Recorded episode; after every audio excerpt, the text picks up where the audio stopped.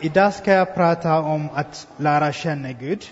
Så ska jag prata om fyra korta rubriker. Det första, vad det betyder att lära känna Gud. Sen, hur använder bilden av att lära känna Gud i Bibeln? Så har jag tre punkter under den rubriken. Sen ska jag prata om vikten av att lära känna Gud. Så har jag också tre punkter under. Sen ska jag prata, vad kan vi göra för att komma närmare Gud? För att känna honom lite bättre. Då har jag också tre punkter. Ska prata om de här eh, korta rubrikerna idag.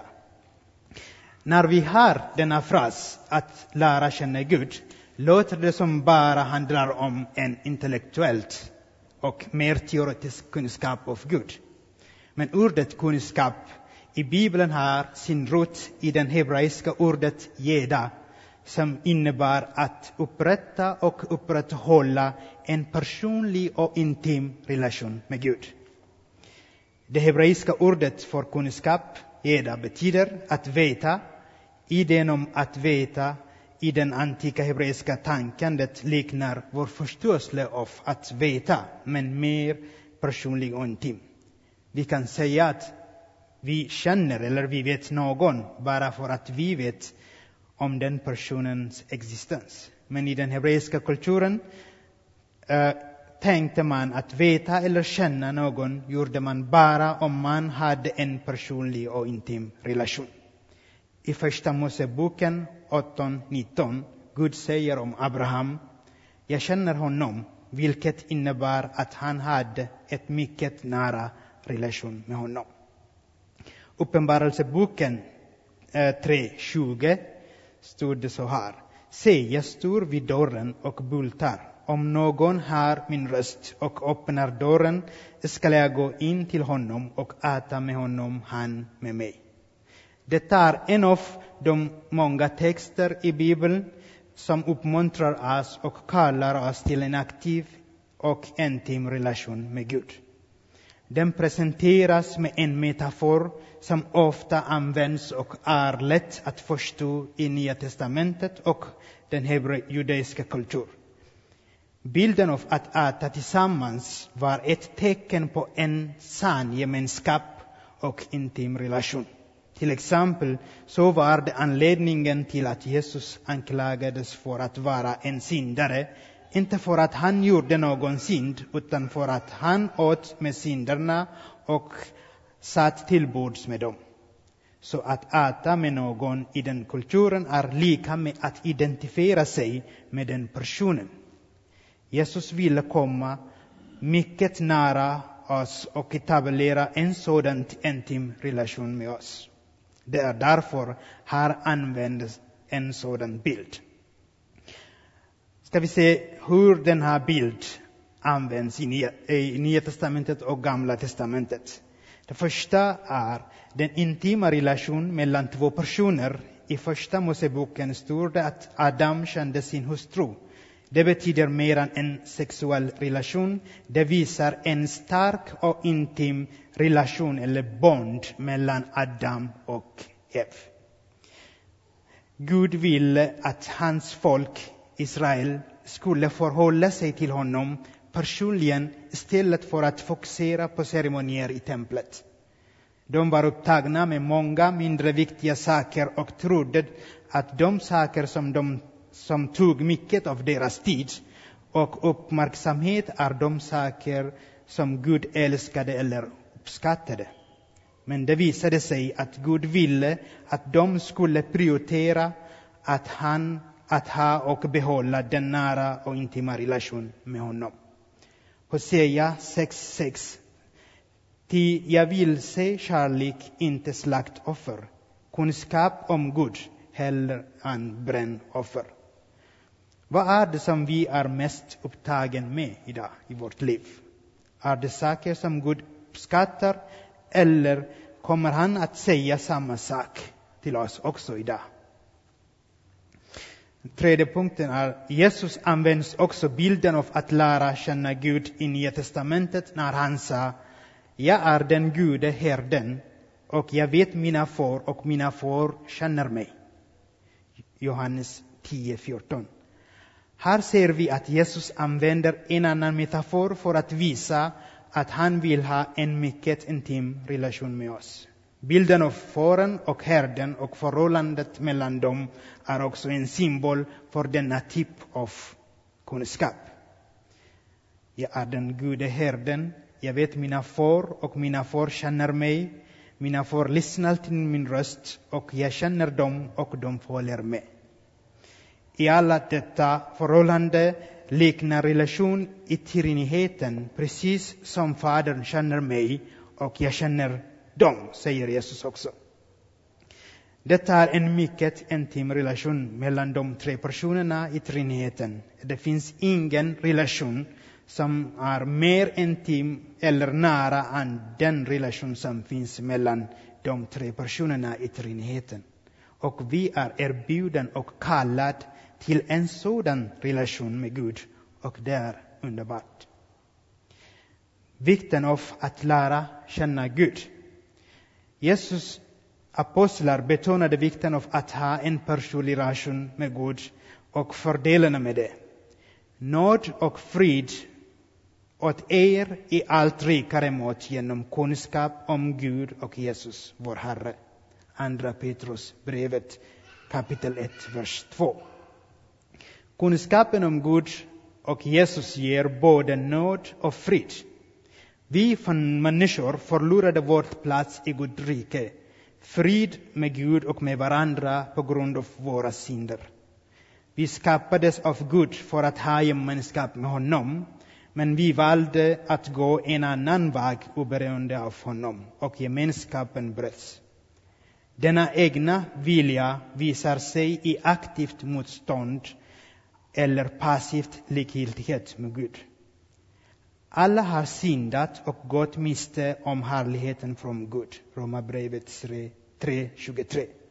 Det är era synder som skiljer er från Gud, era brott från honom att vända sig bort och inte höra. Jesajas 59.2. Men vi människor försöker ständigt nå Gud. Av egen kraft söker vi att fylla vårt liv med mening och fred. Till exempel genom goda gärningar, filosofier, den materiella världen, religioner. Men vi lyckas inte. Den enda vägen till försoning för våra synder och att gå, att få Guds nåd och frid är genom att låta Gud komma in i vårt liv och utveckla en personlig och intim relation med honom. Nåd och frid är allt vi behöver för att leva ett meningsfullt liv som kristna. Och det får vi bara genom en personlig relation med honom. Genom en sådan relation kan vi förstå att Gud älskar oss och har en mening med vårt liv. En av kyrkofaderna, Augustinus, sa Du, o oh Gud, har skapat oss till dig och vårt hjärta är oroligt till dess det finner vila i dig. Eh, den andra punkten eller anledningen att vi ska lära känna Gud är att vi kan då stå kvar i vår tro och kristen identitet i alla läget. Om vi har en stark, stabil relation till Gud så kan ingenting skaka om den. Det betyder att vi kan motstå alla frestelser vi möter i livet och så går vi vidare tillsammans med Gud. Paulus hade en mycket sådan stabil relation till Gud. Roma brevet 8.38. Varken krafter i höjden eller krafter i djupt eller något annat skapelsen skall kunna skilja oss från Guds kärlek i Kristus Jesus, vår Herre. Det var ett tillfälle i Nya Testamentet eh, där Jesus påpekade vikten av att ha en riktig kunskap av honom. Vid detta tillfälle det var hundratals som trodde att de var Jesus lärjungar och de följde honom. Det kan vara många faktorer till varför så många följde Jesus. Han gjorde massor mirakel, helade sjuka, gav mat till de hungriga. Andra följde honom för att anklaga honom. Men Jesus ville sortera ut dem genom att testa dem som hade en rätt kunskapen om honom. Det resulterade i att nästan alla inte hade kunskapen, den personliga relationen med honom. Och de ville inte följa Jesus längre. De vände Jesus till sina tolv lärjungar och frågade också dem om de ville lämna honom. Petrus, som representant för alla, svarade Herre, till vem skulle vi gå? Du har det eviga livets ord och vi tror och vi förstår att du är Guds helige. Den här vi förstår på andra platsen, vi vet. Det här kunskap, det hebreiska ordet som finns här också i originaltexten. Den en, den, det är en sådan relation, kunskap och hjärta som prioriterar Gud överallt som Gud önskar se i vårt liv. Tredje punkten är att vi kan bli goda vittnen för Gud om vi har väldigt nära relation med honom. Om vi har en intim relation med Gud så gör det oss till bra vittnen om honom. I vårt dagliga liv så rekommenderar vi gärna till våra vänner och bekanta saker som vi uppskattar och tagit del av. Till exempel en trevlig kaffe eller en god mat på en restaurang. Men det är ofta svårt att vittna om Gud på samma sätt eftersom vi ofta saknar en personlig och intim relation med honom. På det sätt, om vi, på det sätt som vi upplever Gud i vårt liv bestämmer hur vi vittnar om honom i vårt dagliga liv. Det är därför som det är mycket viktigt att ha en intim relation med Gud så att vi kan vara goda vittnen för honom. Första Johannesbrevet kapitel 1, vers 1 till 4 står det så här. Det som var till från begynnelsen, det vi har hört, det vi har sett med egna ögon, det vi har skådat och det har tagit på med våra händer, det är vårt ärende, livets ord. Ja, livet blev synligt, vi har sett det, vi vittnar om det. Vi förkunnar för er det eviga livet som var hos Fadern och blev synligt för oss. Det vi har sett och hört förkunnar vi för er, för att också ni skall vara med i vår gemenskap, som är en gemenskap med Fadern och hans son Jesus Kristus. Detta skriver vi för att vår glädje skall bli fullkomlig. Vad kan vi göra för att komma närmare Gud? Och hur kan vi bli bättre att lära känna Gud? Kanske det här har vi hört flera gånger, men det här är viktiga grejer som vi behöver göra om vi önskar lära känna Gud ännu mer bättre i vårt liv. Det första, och det som är naturligt för alla, är genom att regelbundet läsa Bibeln. Saltaren säger att Guds ord är ett ljus för vår stig. Varje bok i Bibeln har något att säga om oss, vem, om vem Gud är och kan hjälpa oss komma närmare Gud. Det är inte viktigt hur mycket vi läser varje dag, men det är att vi läser regelbundet, att vi behåller den här regelbundet kontakt med Bibeln. Det kan vara genom att läsa en specifik bok. Det kan vara texter med ett speciellt tema eller vi kan även använda andakt, olika andaktböcker som hjälper oss att vi läser Bibeln regelbundet. Andra punkten är att vara en del av den kristna gemenskapen. Kyrkan är ett nerv, nätverk som ger näring. Precis som vatten ger näring till en växt är kyrkan tänkt att ge näring till livet som kristen. När man blir en kristen blir man också del av ett nätverk av människor som delar samma tro. Man behöver inte försöka klara sig på egen hand. Vi behöver varandra och vi är beroende av varandra. Första Korinthierbrevet 12 beskriver ger oss en av en kropp med olika kroppsdelar som är lika viktiga även om de har olika funktioner. I en kristen gemenskap får man möjlighet att möta Gud, uttrycka sin tacksamhet och tillbe Jesus. Man får undervisning och lärdom som inspirerar och stärker till att fortsätta lära känna Gud bättre. Att tillhöra en kristen kyrka En mindre grupp inom kyrka ger oss kontakt med människor som känner Jesus och lever enligt hans livsstil i vardagen. De kan uppmuntra oss och vi kan uppmuntra varandra. Tredje punkt under den här är att benen, att kommunicera med Gud. Jesus vill utveckla en nära vänskap med oss och liksom andra relationer bygger vänskapen på kommunikation. Vi kan kommunicera med Jesus genom att be.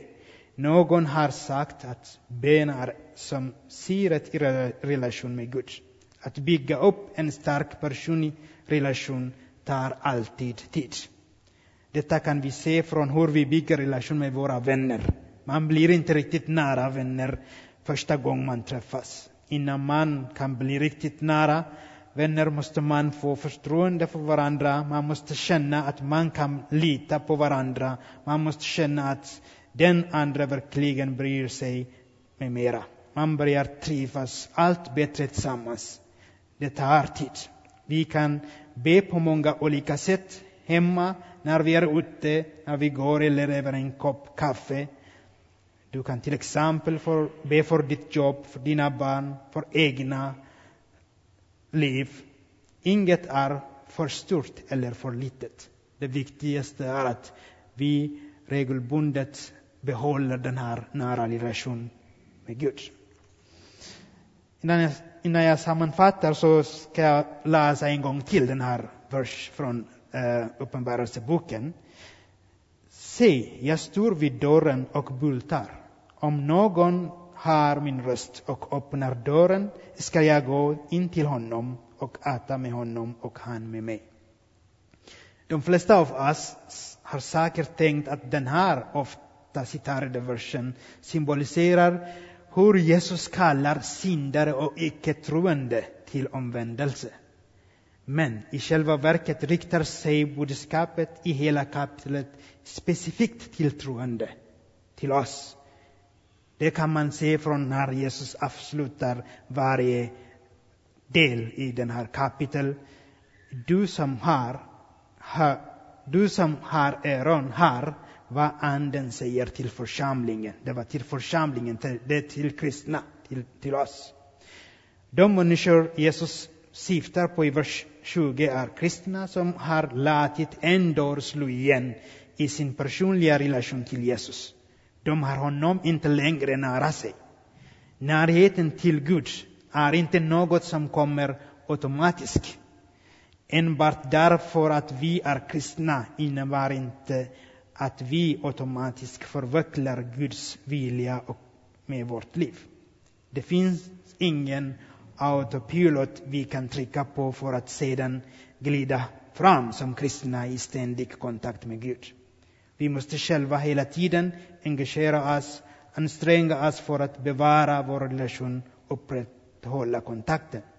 Problemet är att det är lätt att tappa Gud ur siktet mitt i alla vardagsbekymmer och vardagshändelser. Ofta är det så att vardagen tar överhand och Gud hamnar någonstans i hörnet. Jag hittade en liten dikt på engelska som jag fick hjälp av min fru för att översätta så jag, vi hoppas att den är rätt. Jag kan bara läsa det, det är en liten kort. Är det inte konstigt? Är det inte konstigt hur stor, hur två timmar känns långt när du sitter i kyrkan, men hur kort det känns när du tittar på en bra film? Är det inte konstigt att du inte kan hitta orden när du ber, men du har inte några problem att hitta på vad du ska prata om med en vän? Är det inte konstigt att vi måste veta om en aktivitet i kyrkan två, tre veckor innan så att vi kan skriva in det i våra kalender, men att vi kan ändra och boka in andra aktiviteter sista minuten? Är det inte konstigt hur svårt det är att lära sig något om Gud och att sedan dela det med andra, men hur lätt det är att lära sig förstå och sprida olika rykten.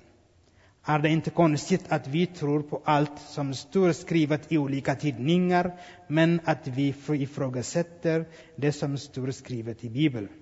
Är det inte konstigt att alla vill ha biljetter till första raden på en konsert eller match, men att vi gör allt i vår makt för att sitta på sista raden i kyrkan. Det här visar hur vi prioriterar i vårt liv. Alla de här vardagshändelser som tar mycket plats i vårt liv. Att det finns ingen plats kvar för Gud och för relation med honom. Och om vi inte har Gud med oss i vardagen, i allt vi gör, så är det inte konstigt att vi upplever honom som avlägsen. Vi måste släppa in Jesus genom dörren när han bultar. Vi måste låta hans personlighet komma till uttryck genom oss. Låta Gud ande leda oss i allt vi gör. Jakob brevet 4.8 står det Närma er Gud och han skall närma er. Han skall närma sig er. Gud välsigne er. Tack så mycket.